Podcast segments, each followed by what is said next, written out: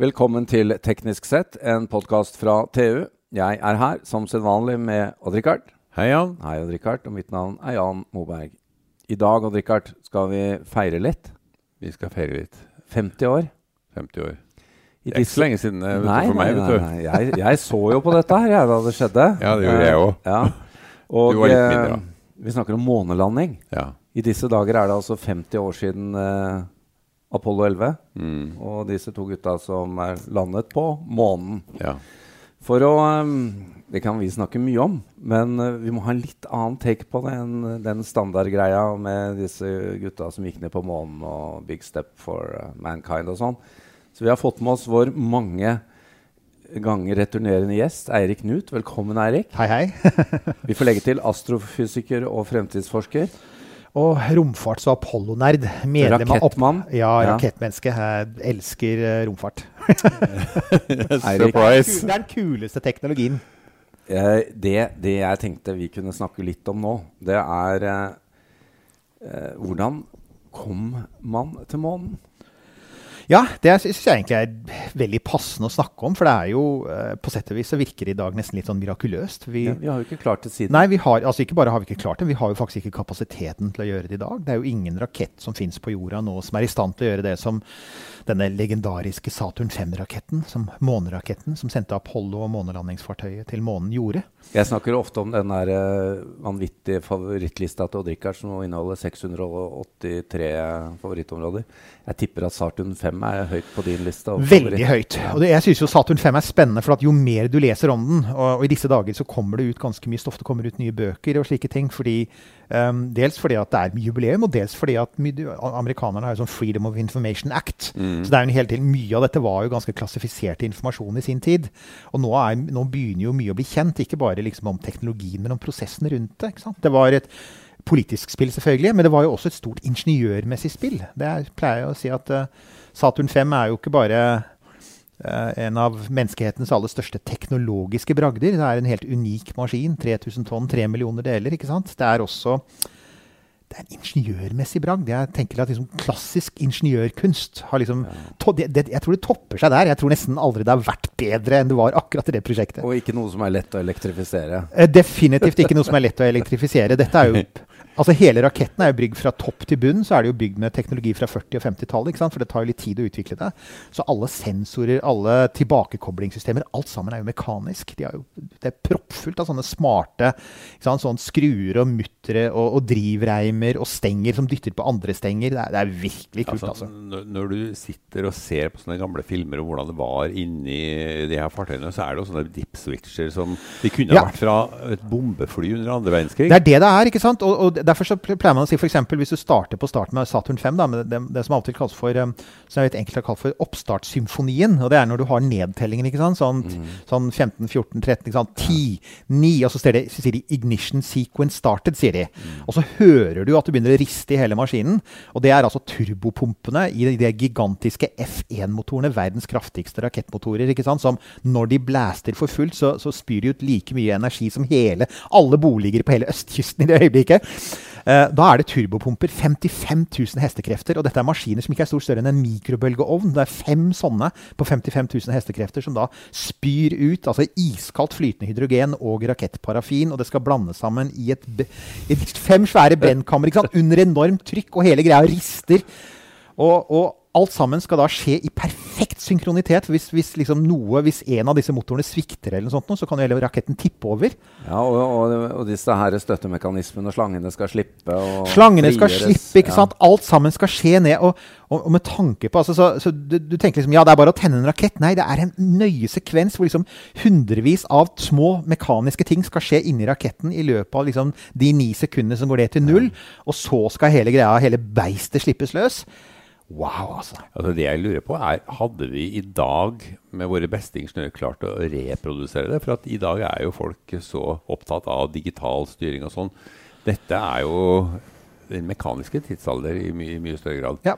Nei, Det er et godt spørsmål. Jeg ser, at, eh, jeg ser jo at det, det, har jo vært litt diskusjon om det i det siste. Men som, ok, vi har jo, for, for blueprintene, ikke sant, tegningene til Saturn 5 fins jo. Så hvorfor i all verden kunne man ikke bygge den? Hvorfor må man bygge den, den nye måneraketten til NASA? heter jo SLS. Den ser ut som en Saturn 5, men den er en sånn miks av sånn gammel eh, Apollo-teknologi og romferjeteknologi. Men da har jo enkelte sagt altså hvorfor skulle NASA bruke foreløpig har de brukt noe sånt som 15 milliarder dollar på å bygge en ny versjon av Saturn 5. Løftekapasiteten til SLS blir faktisk lavere enn den til Saturn 5. Så hvorfor i all verden kunne du ikke bare skru, ta, blå, ikke ta tegningene da, og lage den på nytt? Og det folk sier da, er at ja, altså for så vidt så, så fins tegningene, men hver Saturn 5 var jo håndlagd, selvfølgelig. Ja. Ja. Og den var bygd av altså Den ble satt sammen av sånn 10 000 små og store bedrifter med massevis av fagarbeidere. F.eks. sveisesømmene på disse svære tankene med brennstoff, ikke minst flytende hydrogen. Det var så vanskelig å få til. Og de folka som gjorde det, var så høyt kvalifiserte. Og de fins altså ikke i dag. Hvor mange ble bygd? Det ble bygd til sammen 13 Saturn 5. eh, og, Ja. og så ligger det vel én ligger utstilt. Det er vel to som havna på museum. Så var det vel sånn som 11 eller 12 var det vel som ble, Som ble skutt opp? ble skutt opp. Og de fungerte alle sammen perfekt. Altså Det var jo aldri en Saturn 5 som sviktet verken under test eller under oppskyting med mannskap. altså. Det er mindboggling, og, og det sier mye om Saturn 5. Altså det, det, mye handlet om måten den var designet på fra starten av. Den var jo designet av eh, Hovedkonstruksjonen var jo liksom, eller sånn Grovkonstruksjonen var jo gjort av, um, av eh, amerikanernes gode hjelpere, disse tyske ingeniørene. Ja, de- som hadde bygd V2-rakett. ikke sant? Ja. Altså Romalderen startet jo, som vi alle vet, i, på Penemynde i 1942. og da med Werner von Braun er jo kjent. Det er også en annen som heter Arthur Rudolf, også en kjent av en av lederne på, på Penemynde. De tok med seg massevis av tyskere over. De, alle, de fleste av dem endte etter hvert opp i Huntsville, Alabama, hvor det lå et sånn svært um, militært sånn, hadde et forskningssenter der som de overtok. Og det ble på en måte sentrum for bygginga av Saturn 5. Altså Saturn 5 ble jo bygd av kontraktører. Første trinnet ble bygd av Boeing f.eks. Um, og det ble bygd for forskjellige steder i USA. Men det var liksom sånn Huntsville uh, Der var der alle delene på en måte, Der ble liksom alt koordinert. Uh, der ble, derfra ble prosjektet styrt, og derfra gikk også beskjeden ut til kontraktørene om hva som måtte gjøres. Uh, og den modellen den hadde jo faktisk uh, tyskerne utviklet på Penemynde. Så den modellen som amerikanerne velger, dette her med at du har et sånt sentralt militært forskningssenter, og så har du massevis av underkontraktører i hele det hvitstrakte riket Det var slik tyskerne Det gjorde de også i Das Reich. ikke sant? For det var, altså, alt ble ikke bygd på Penemynde. Men uh, dette er, endrer jo bildet litt av den oppfatningen mange har. At uh, nå, nå skjønner vi at det er mange som ikke har den også, men når uh, John F. Kennedy holder en tale da på Rice University i Texas og sier at vi skal til månen, og det var vel i 62 eller noe sånt, Ja. det var veldig kjapt gjort fra 62 til 69. Ja, ikke sant? Det er jo det folk sier. At oi, altså, han, det, liksom, det offisielle kommer jo da i, sant, i, i 60 Unnskyld, i, i 25. mai 1961 så står han foran Kongressen og sier jeg mener at denne nasjonen skal sette seg som mål. Altså det er morsomt, Hvis du ser hele talen han holdt i Kongressen i 1961, så ser du at he, altså, den, Man fokuserer gjerne på den første setningen om at man skal sette seg liksom, uh, sånn, Send a man to the moon and return him safely to earth. Deretter kommer det ganske mange setninger om at jeg vet at dette blir vanskelig å få igjennom i Kongressen. Jeg håper dere støtter meg. Uh, og så sier folk da wow, ikke sant? Sånn 61 til 69. Det gikk da veldig fort. Ja. Vel, altså, saken er at altså, Apollo-programmet fantes jo faktisk allerede i 1961. Det var diskutert i NASA i 1960. Saturn en rakettserie som het Saturn, det var jo faktisk noe disse, blant annet disse tyske romforskerne hadde drevet og hinta om for NASA også i flere år. eh, og hadde begynt å tegne, altså begynt å drodle på eh, den svære rakettmotoren F1 den, i første trinnet, den mest imponerende av dem alle. Det var faktisk en videreutvikling av et luftforsvarsprosjekt fra midten av 50-tallet. For det, altså, det, det foregikk veldig mye på 50-tallet, ikke bare i Sovjetunionen, men også i USA. Massevis av sånne kreative folk. Dette med eksempel å bruke hydrogen som brennstoff, det var faktisk løst i 1961. Og gudskjelov for det, for uten hydrogen- og oksygenmotorer på de øvre trinnene i Saturn 5 hadde vi ikke kommet oss til månen. Vi hadde ikke vært effektive nok.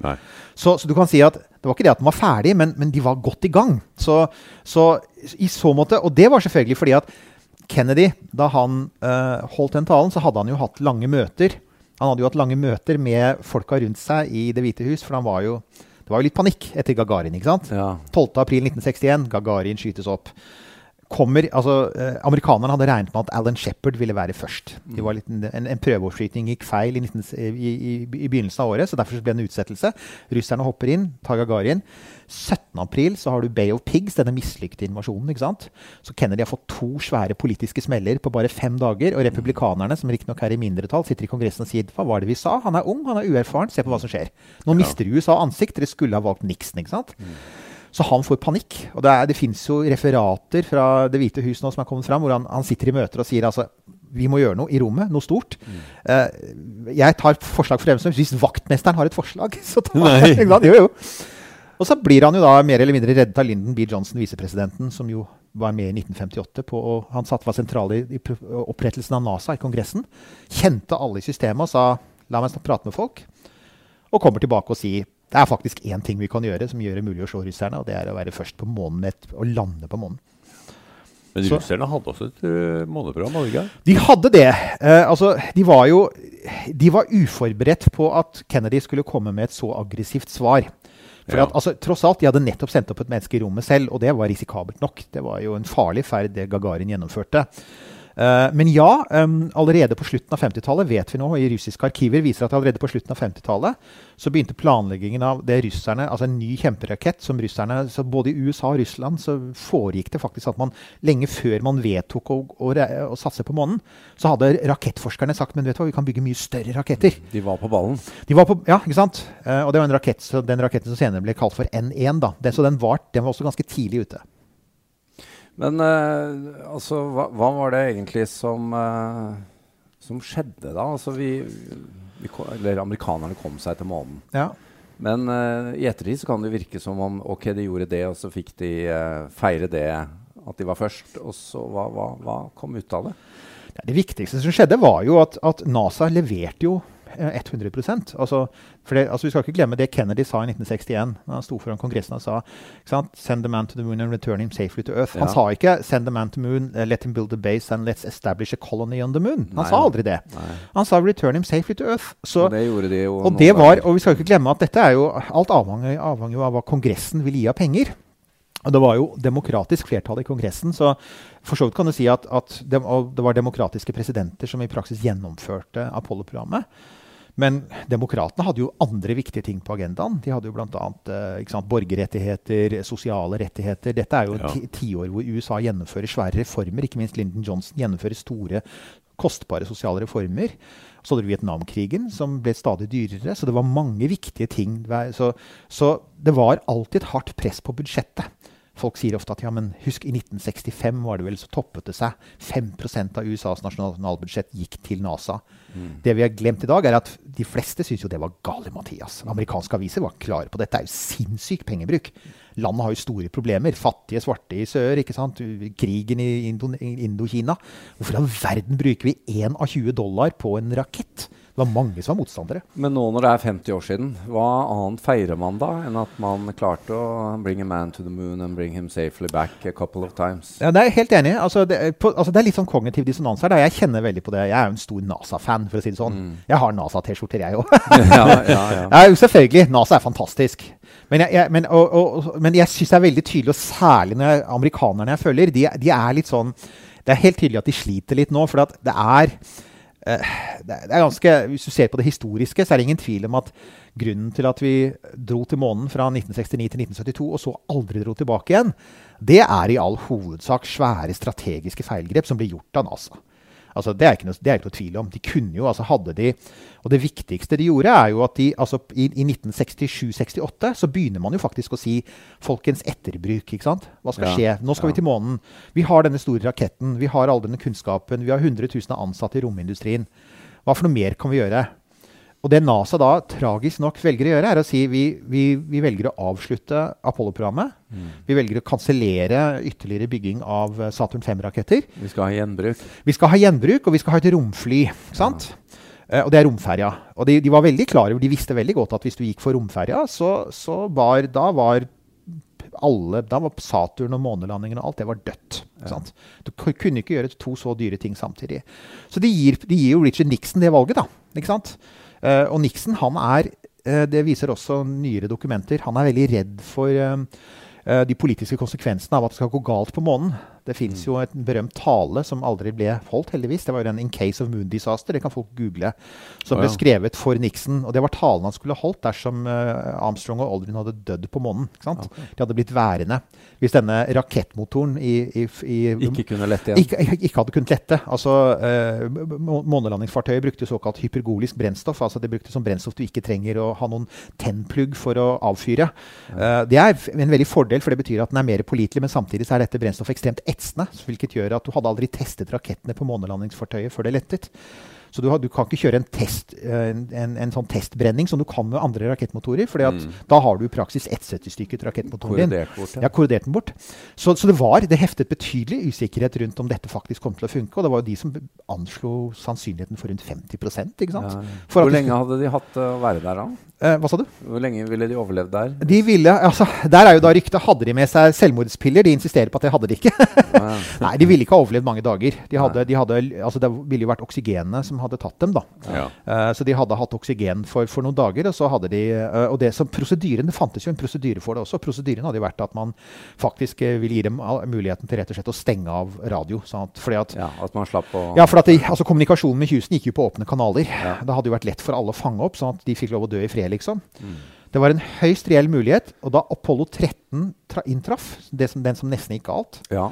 Som det for øvrig ble en veldig bra film av, den er verdt å se Men det gikk nesten galt på hjemturen? Var det det? Ja, på utturen så eksploderte hovedbrennstofftanken. eksploderte, Ja. Sånn at i praksis så hadde de ikke lenger rakettmotoren de trengte for å bremse opp ved månen, men heller ikke komme hjem. Så det de, heldigvis hadde de månelandingsfartøyet, hvis motor da kunne brukes til å Ja. sende dem i en sånn rundbane rundt månen.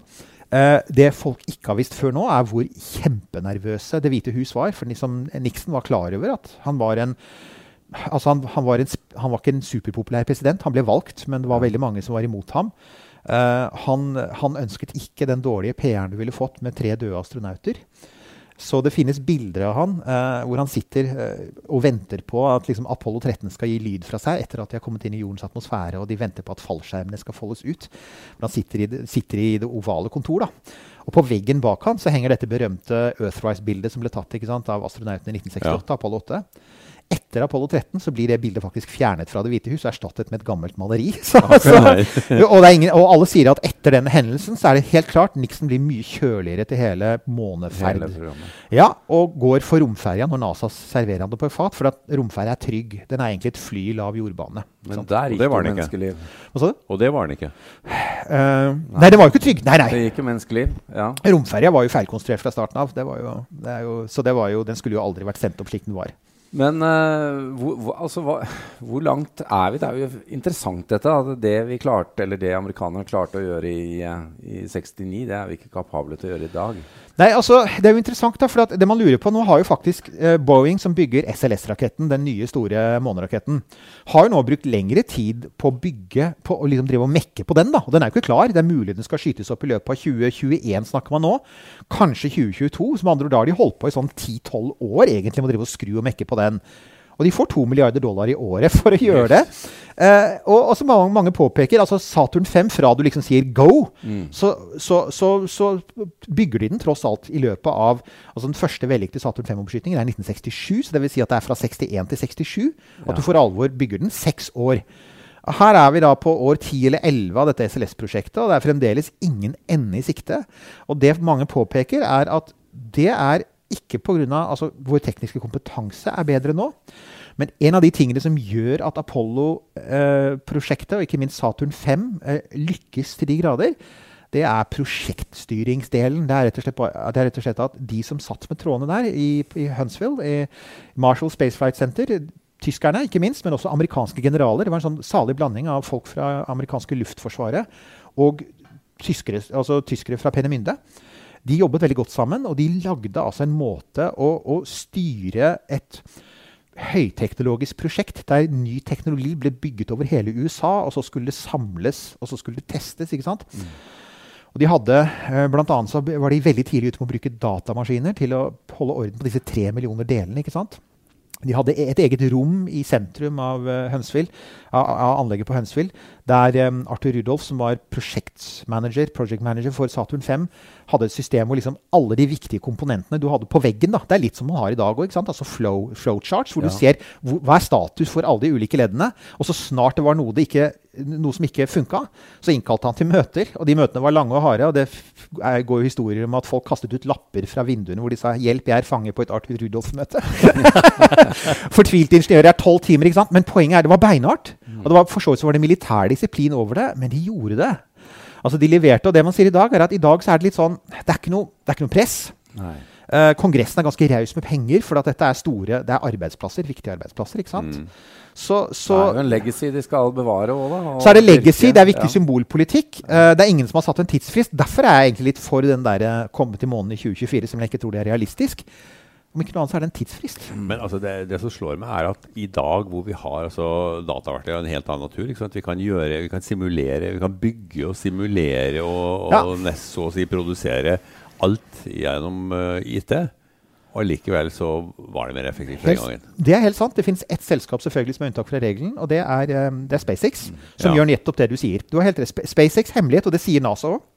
SpaceX hemmelighet er denne unike kombinasjonen av uh, De bruker sånn typiske IT, uh, altså IT-bransjeteknikker. Dvs. Si ja. at du hele tiden uh, sånn stegvis forfining. Du starter med en Falconer-rakett som er sånn passe bra, og så bare bygger du på den og forfiner den og forfiner mm. den. Sånn at egentlig så er det er først de siste par årene etter at de skal begynne å sende opp mennesker med den, at de har frosset designet. Og fram til da så har faktisk altså Fal Falcon 9 er blitt stadig bedre og tweaka på. Um, og de bruker innmari mye datasimulering, noe som kutter kraftig i utviklingskostnadene. Uh, så, så de er, men de er ganske unike der. Uh, det er uh, Et selskap som Boeing for eksempel, er beryktet i rombransjen for å ta seg, skrive alle regninger med gaffel. Mm. Ta seg veldig god tid og bruke mye gammeldagse metoder. Um, ja. Det er vel noe med hvor du kommer fra. Ja, SpaceX-gründeren er jo kjent for å være litt annerledes i sin tenkemåte. Ja, altså, men Bezos ja. er vel også langt framme, er det ikke? Han er det. Bisos Bezos' største problem det er jo at han, altså, det er jo, det er at han har så mye penger. Ja. si, nå skiller han seg, så er det mulig han får en rakett i rumpa nå. han mister jo halve formuen sin. Og, og, og hans ekskone har jo funnet ut at hun har ikke tenkt å gi de pengene til romfart, men til gode formål. Hvilket for øvrig er en bra ting. altså. Bra, men han har jo kunnet finansiere sitt eget private romprogram med en milliard dollar i året av egen lomme. Han har jo faktisk solgt aksjer for en milliard dollar per for år. Å. For å finansiere det. Uh, folk antar at han vil fortsette med det. Han er jo fremdeles god for sjukt mye penger. Men, eh, men, eh, men, ulempen med det er at de har, liksom sånn, de har hatt litt for god tid. Det har ikke ligget noe press. Um, SpaceX, uh, selskapet til Elon Musk, har jo hatt mye mindre penger. Uh, Elon Musk er jo sånn sett Han er jo han er vel milliardær, men han er jo ikke ja, så rik. Nei, da, han, har mye han, han er ikke den klassen. Nei, og Pluss at han driver hele tiden og putter pengene sine i andre ting òg, sånn biler og tunnelboring og sånn.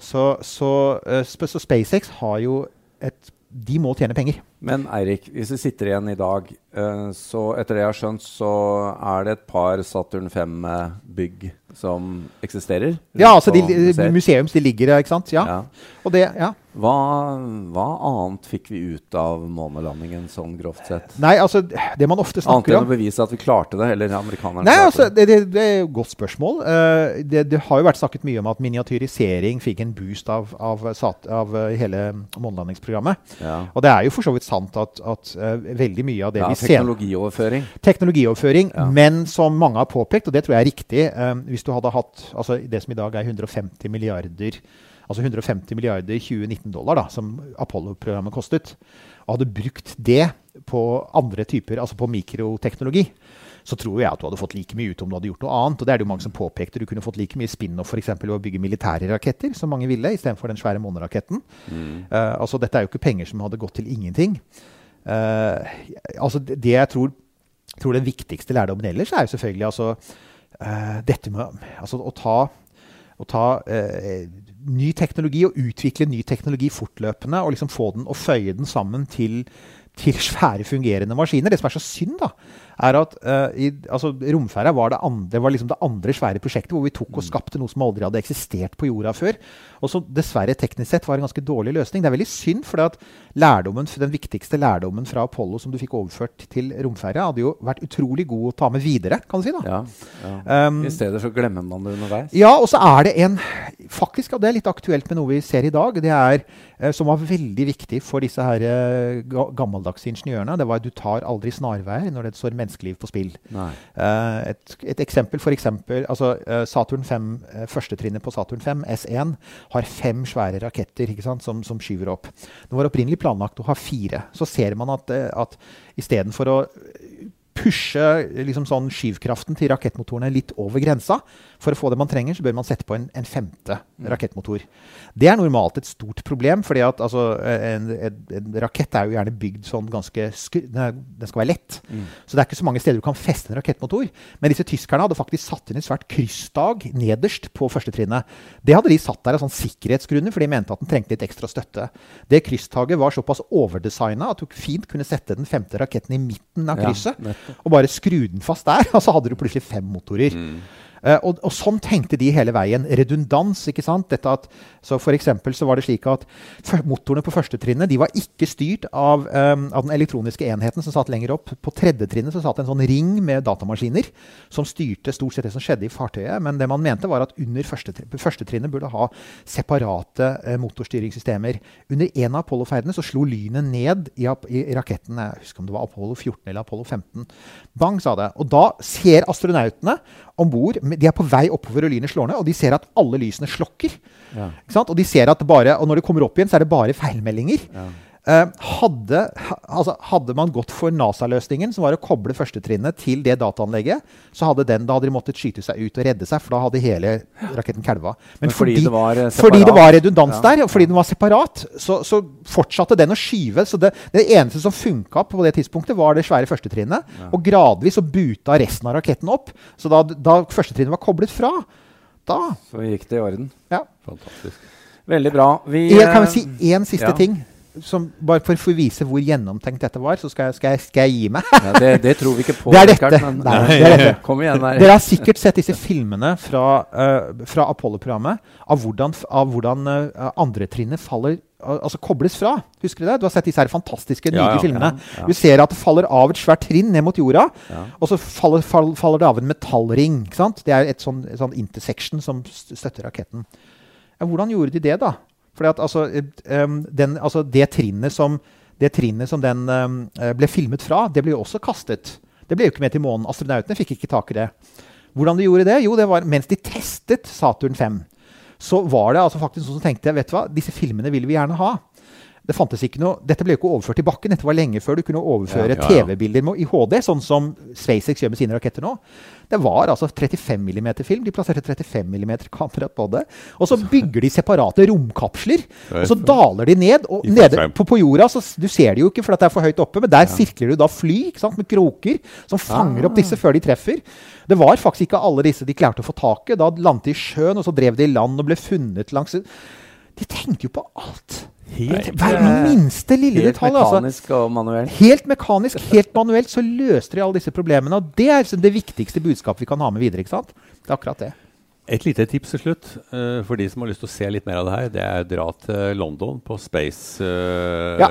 Space Museet. Nei, på, på Science Museet. Der står en av romkapslene som er lånt ut av NASA. Det, og der, der, er det en av de her motorene.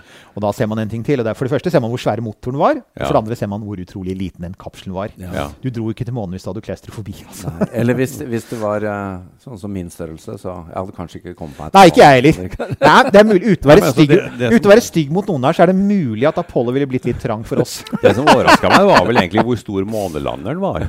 Ja, den er ganske svær. men, men og den selv, står der, den òg? Den står der, den også. Det vil si, der står det en modell. Det er en modell, ja. ja. Det, er, for det er jo en ting. Det finnes nå bare én månelander igjen som har vært i bruk. Som, som, eh, for månelanderne ble jo alle sammen kastet.